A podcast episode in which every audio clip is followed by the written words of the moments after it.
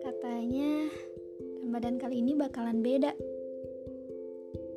Tidak ada buka puasa bersama teman. Tidak ada pergi taraweh bareng.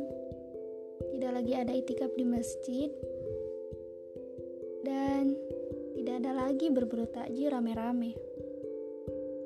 Katanya Ramadan kali ini berbeda. Akan terjebak dalam rumah, menunggu buka puasa dengan kegiatan yang itu-itu saja. Tunggu, sejak kapan rumah kita anggap sebagai jebakan? Bukankah rumah selalu jadi tempat penuh kerinduan saat di perantauan? Maka, jangan lagi jadikan rumah sebagai jebakan. Sebab di dalamnya ada kehangatan. Dan mungkin beberapa belum mendapatkannya.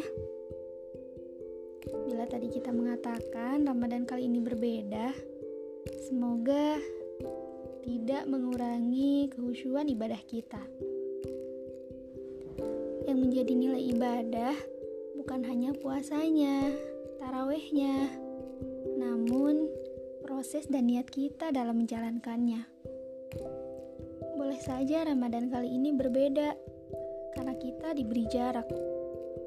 Tapi semoga Ramadan kali ini tidak menghambat jarak antara sujud dengan terkabulnya doa.